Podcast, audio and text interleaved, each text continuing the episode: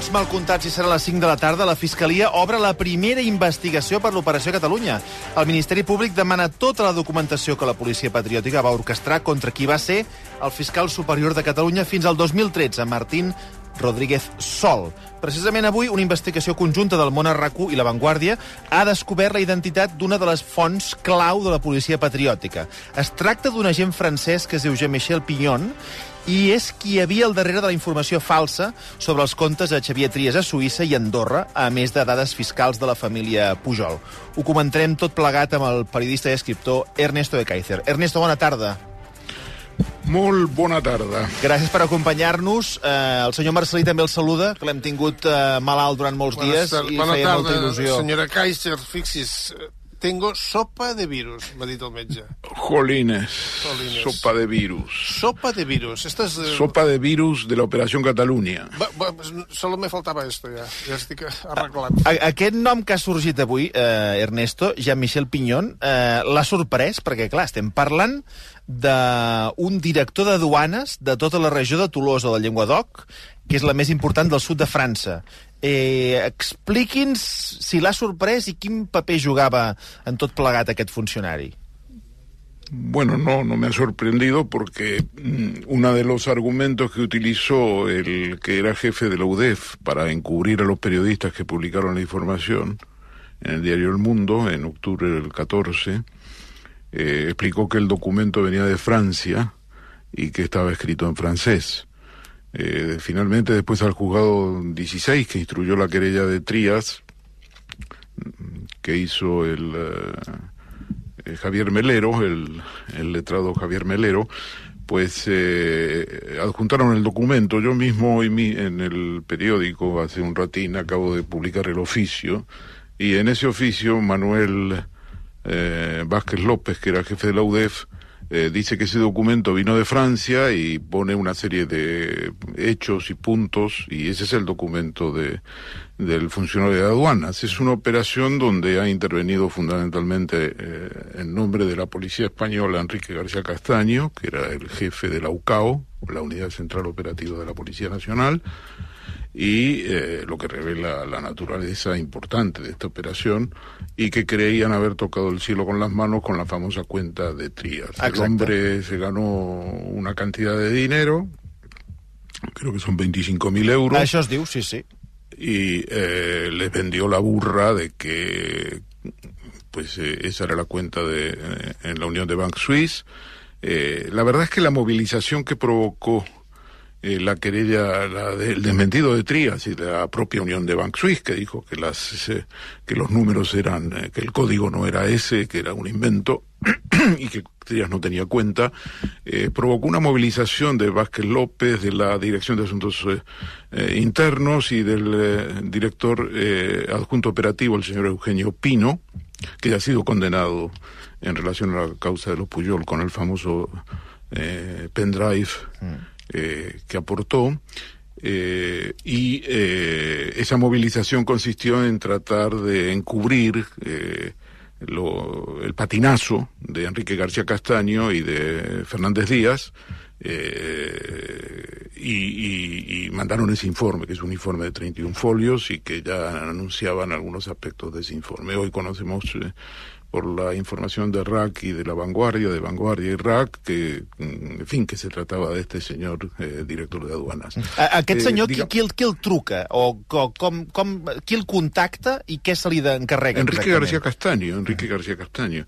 Eh, Enrique García Castaño, yo conté ya aquí en este programa que cuando yo en el año 2015 eh, le encontré de, en, una, en un restaurante en Madrid, yo salía del restaurante y él estaba comiendo, tomándose una cerveza al lado, me vio y me vino a saludar y entonces lo primero que le dije yo fue, le digo, Enrique, ¿qué es esto de, de Trías? Es, es- es tremendo eh, estáis, eh, estáis inven- digamos, eh, inventando, no, dice, ya te lo explicaré, parece, pero no, y tal. En fin, eh, es eh, Enrique García Castaño, que hoy, Recordem comissari, eh, sobrenom El Gordo, si no recordo malament. Sí, sí, es el gordo, el gordo, y es, eh, es un hombre que, en fin, que tenía un papel muy importante. Cuando estamos hablando del jefe de la unidad operativa de la UCAO de la, de la Policía Nacional, pues estamos hablando del personaje que de alguna manera eh, digamos, no de alguna manera, sino que se ocupaba de seguimientos, que se ocupaba de intercepciones telefónicas, si tenías un problema y necesitabas un teléfono y Telefónica evidentemente no te lo daba, él se encargaba de hablar con la dirección eh, ejecutiva de Telefónica y te conseguía el teléfono, ah. de artilugios para poner debajo de los coches para provocar seguimientos. Estamos hablando de un personaje muy relevante. Hoy tiene un ictus y ha sido exonerado eh, de sus cargos en la causa Tandem. Estaba acusado junto con Villarejo y los otros eh, comisarios. Y él es el quien se ocupó personalmente y quien en un momento determinado ya bajo la presión política de los acontecimientos de aquel entonces, del 14, de las elecciones anteriormente y eh, la persecución y, toda la operación Cataluña, eh, aquí en Andorra, en España y en Andorra, pues eh, es quien filtra esto al diario El Mundo, que era siempre el diario eh, que se hacía, era, lo que llamaba Villarejo el cañón Berza, por el cañón famoso de finales del siglo XIX, que fue inventado por la fábrica Krupp en Alemania, ¿no? Y que se usó mucho en la Primera Guerra Mundial.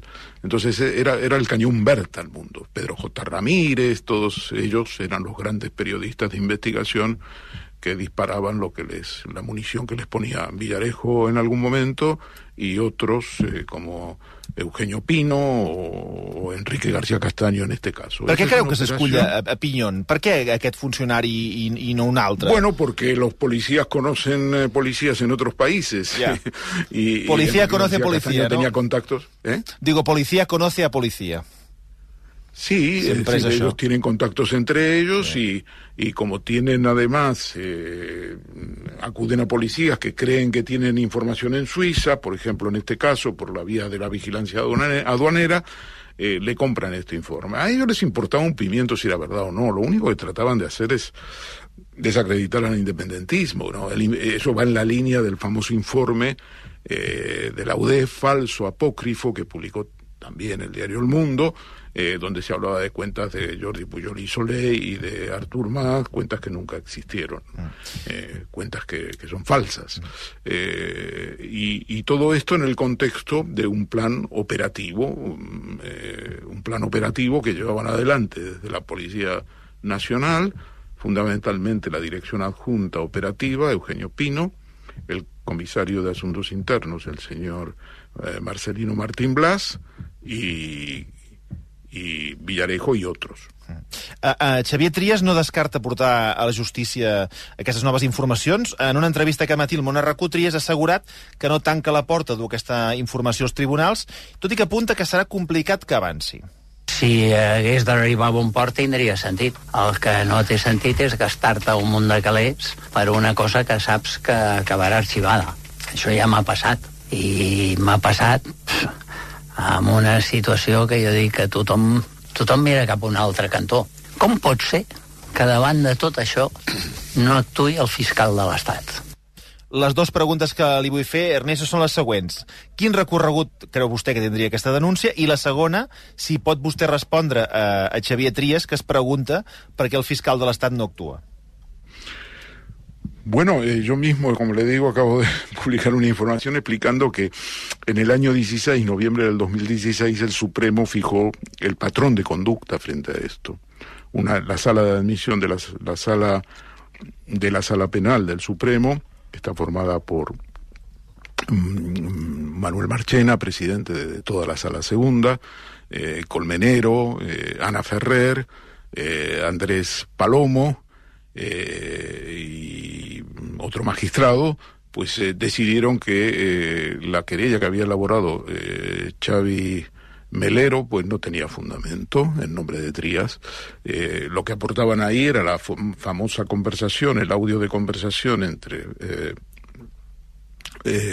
Fernández Díaz y, y el director de la oficina antifraude entonces, el señor de Alfonso, y en ese en esa sin, en esos dos audios, son del 2 y del 14 de octubre del 2014, se hablaba de la cuenta de Trías y si era cierta, si no era cierta, si la si se podía confirmar algo y tal, pues de Alfonso era bastante más cauto y Fernández Díaz y, Enrique García Castaño se lanzaron a la piscina. Eh, lo que me llama mucho a mí la atención, siempre me, llamó la atención de ese de ese auto de la sala eh, de admisión del Tribunal Supremo donde se rechazaba la querella, se decía que no se habían visto, no había ningún dato posterior de después de esa reunión eh, que de alguna manera pues eh, diera la idea de que a, partir de esa reunión se habían adoptado medidas. En esa reunión es una reunión manifiestamente de ilegalidades, porque se habla de maniobras y de desacreditación entre el director de la Oficina Antifraude y el ministro Fernández Díaz. Y además se le dice que va, le dice Fernández Díaz que le va a informar a Rajoy en la primera, y en la segunda le dice que ya lo sabe Rajoy. Pero el tema es que dicen que no hubo datos posteriores, y yo digo, ¿cómo que no hubo datos posteriores? ¿eh? 14 días, de, 14 días después de, 12 días, perdón, después de la reunión del 16 de, de octubre del 2014, el 28, el mundo publica la cuenta de Trías, la cuenta falsa de Trías. Primero publica la, la, cuenta y al día siguiente le pone el número de la cuenta, que es un número equivocado y que no corresponde a la Unión de Bank Suisse no para Trías sino para nadie, es decir, que es un invento. Sí, sí. Entonces digo, ¿cómo que no hay ningún dato?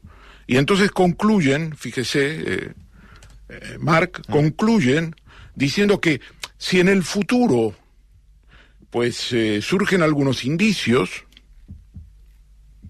pues que el y se le someten al Tribunal Supremo, se puede hacer una nueva valoración.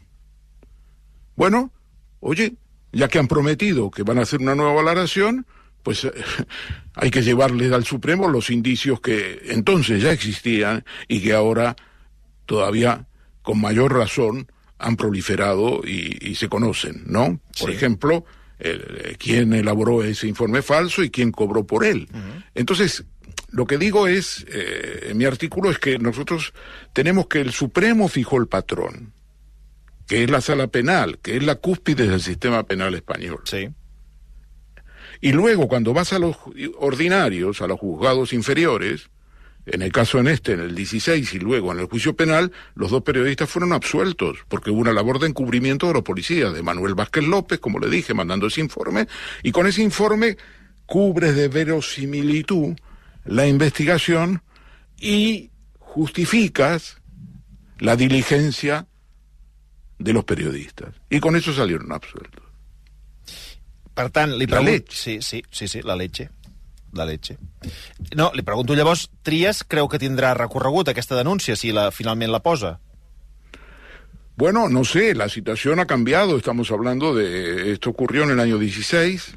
El archivo perquè és que a, a, a Xavier Trias se li va fer molt de mal eh, públicament. Estaria en tot el seu dret intentar eh, posar aquesta bueno. Bueno, eso no, eso, de eso duda no cabe en un país democrático.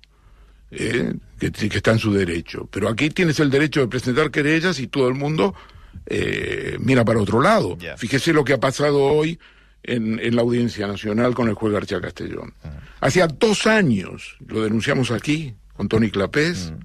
Hacía dos años que el abogado de Jordi Puyol Ferrusola había pedido, había recurrido una decisión de García Castellón por la cual le denegaba personarse en la causa Tándem. Simplemente quería personarse. Y hace dos años presentaron un recurso de reforma ante la decisión del juez. Dos años le ha llevado al juez y ha comunicado hoy que ha tenido un problema, ha habido un problema en su juzgado y por lo tanto eh, no se ha pronunciado hasta ahora. Dos años un recurso de reforma. Ahora van a ir a la sala de lo penal, pero durante dos años este tema ha estado absolutamente parado y la única explicación es que ha habido irregularidades, eh, ha habido problemas en el juzgado de organización y por tanto no han podido eh, eh, pronunciarse antes. Y fíjese una cosa que es muy interesante, vuelve a insistir el juez en que como pueden haber indicios contra Jordi Puyol Ferrusola, contra él, es decir, eh, indicios no contra él, sino indicios eh, de las notas informativas de Villarejo, eh, que él ha sido un perjudicado, Jordi Puyol Ferrusola y la familia Puyol. Sí. El problema, el problema es que esto ya se está investigando en Andorra. Eh, ese es el problema. Y entonces, hombre, si se está investigando en Andorra, eh, entonces eh, no tiene ningún sentido que se investigue aquí. Pero claro, el problema es que lo que en Andorra se investiga es un delito de revelación de secreto de carácter bancario. Es decir, en Andorra, bajo presión de Marcelino Martín Blas, jefe de asuntos internos de la policía española, y también con sobornos, consiguieron las cuentas de eh, Puyol, las famosas cuentas de Puyol padre de, y de los hijos, en, en, la, en la BPA, la banca ah, Privada de privada Andorra. de Andorra. Sí. Entonces, eh, eso se investiga en Andorra. ¿eh? Es decir, la revelación de secreto bancario, la, la- la situación de ese soborno. Pero lo que quiere Jordi Pujol Ferrusola es que se investigue el delito de actividad ilícita de los policías españoles en territorio extranjero, es decir, en Andorra. Y entonces le dicen que como aquí eso ya, eh, digamos, como allí ya se está investigando, Aquí pues no es. aceptan la personación de él aquí. Bien, pero por una razón o por otra, por un vericueto o por otro, aquí no se quiere investigar. Y esta es la gran historia. La gran historia es que el Supremo ha fijado el patrón de conducta. No vio nada, ningún problema. Ni el fiscal entonces, Antolín Herrero, ni, eh, eh, digamos, la creme de la creme de nuestro ordenamiento y de nuestro, eh, digamos, de nuestro cerebro penal en España. La creme de la creme. Martínez Anrieta fue el ponente, es el magistrado que me faltaba nombrar, magistradas tan importantes como Ana Ferrer, la primera mujer que entró en la sala, en el Tribunal Supremo, eh, Manuel Marchena, presidente de la sala segunda, todos ellos no vieron ningún dato, digamos, de revelación de secretos cuando, después de la reunión entre eh, Daniel de Alfonso, eh, director de la Oficina Antifrau, y Jorge Fernández Díaz, ministro del Interior, habían hablado de la cuenta de Trías, de la cuenta de Trías en Suiza, contando con informes eh, prefabricados y contando con la colaboración de Enrique García Castaño, del comisario. Y luego, un, 12 días después, sale la cuenta en el mundo en la portada. Pero ellos no vieron ningún dato cuando resolvieron. No, cuando resolvieron dijeron no hay ningún dato. Bueno, entonces lo que quiero decirle con esto es que hay una conducta en nuestra en nuestro ordenamiento judicial, una conducta que consiste en que todo lo que hablaron Fernández Díaz y de Alfonso en esa conversación, que fue de marranadas, de hacer cosas ilegales, forma parte de las comunicaciones y del intercambio de información entre el ministro del Interior y, en ese caso, el director de la Oficina Antifrau. Por lo tanto, digamos, eh, se ha legalizado este sistema. Eh, eh, Este sistema se ha legalizado esta intervención. Y la Operación Cataluña es una operación que entra dentro de los cauces legales. Es la labor del Estado. En el fondo es eso. S'ha fet un esforç per, per legalitzar, per posar dins d'un canal legal una cosa que a totes, eh, diguem, des de tots els punts de vista no és legal. S'ha fet un esforç, s'ha legalitzat un, un frau, una il·legalitat. Claro, pero sobre todo hay una tozuda, coherente y determinada coincidencia en todos los estamentos que esto no se debe investigar. Y usted, digo, en todos los estamentos judiciales, porque en el Congreso se investigó. En el Congreso hay un dictamen aprobado en pleno con la oposición del PP y con la oposición eh, a último minuto de Ciudadanos, cuando existía, cuando no era un cadáver todavía. Entonces, ese dictamen lo que dice es que hubo una policía política, no patriótica, que es un concepto equivocado en mi opinión. Pero Ah. bueno, eso es un detalle. es un No, no, és, és, Una és- policia no, no, és, política. és un detall important. És a dir, Muy- és, un, muy és, una, important, una és una policia política. que treballa amb unes idees. Exacto. Una policía política que se dedica a atacar a sus adversarios, a los adversarios del PP. Es una policía del PP. Pepera. Esto es muy importante, porque eso de patriótica, mm, bueno, nunca he compartido ese criterio, pero se, se sigue utilizando, tanto en Madrid como en Barcelona. I aquesta Però, bueno, policia del PP que vostè està mencionant, la veu encara molt activa?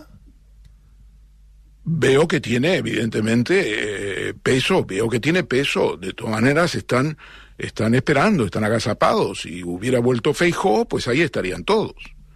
Lo mismo que los jueces. Los jueces no es que, eh, en fin, los jueces están en plan de combate, en plan de rebeldía.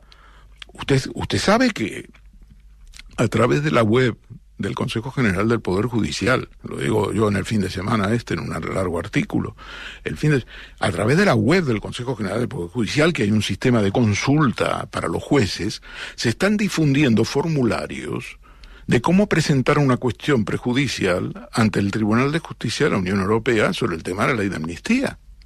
Y cómo presentar ante el Tribunal Constitucional Español una cuestión de inconstitucionalidad que pueden presentar todos los jueces de España cuando tengan tienen dudas a través de la web del Consejo General del Poder Judicial se están transmitiendo estos formularios para que los jueces estén al corriente, a los efectos que vayan preparando.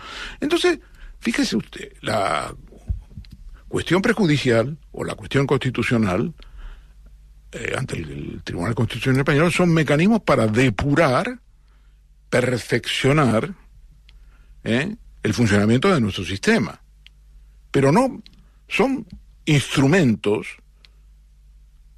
de la rebelión que está en curso. Están utilizando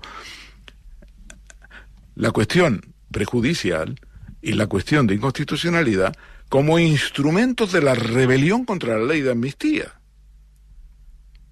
Saben que la ley de amnistía si el Tribunal Constitucional, que ya veremos, ¿no?, la aprueba,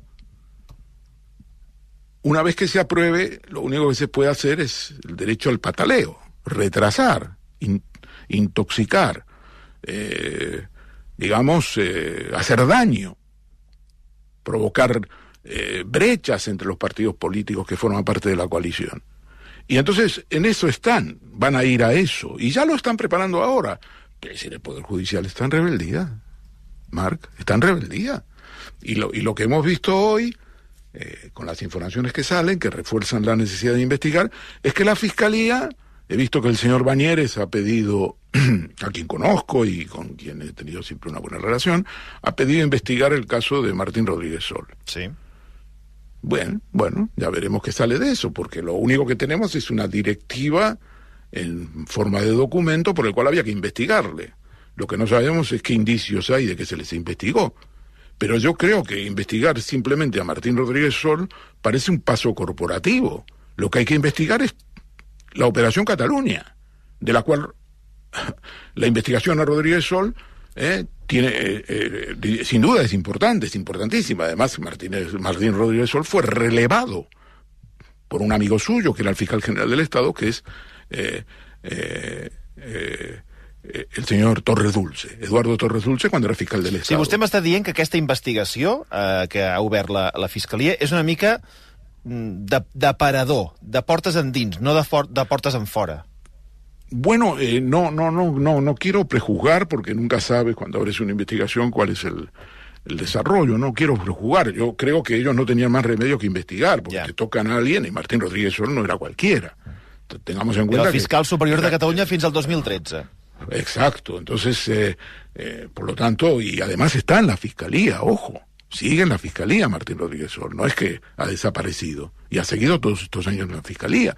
Por lo tanto, ellos se han visto obligados porque les han, ah, digamos, eh, ¿cómo no podían investigar si eh, se produjo una situación ilegal con uno de los eh, fiscales del Tribunal Superior de Justicia de Cataluña. Tenían que hacerlo.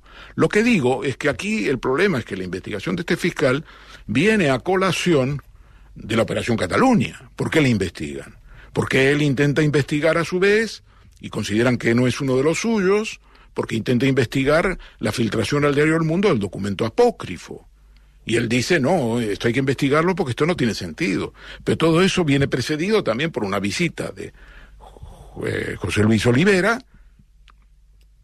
que era responsable, eh, un alto responsable, y de Martín Blas, en el año 2012 a Cataluña y se entrevista con los fiscales y le pide a los fiscales que intervengan la sede de Convergencia Democrática de Cataluña. Y los fiscales dicen, pero hombre, esto estamos instru- instruyendo con un juez aquí.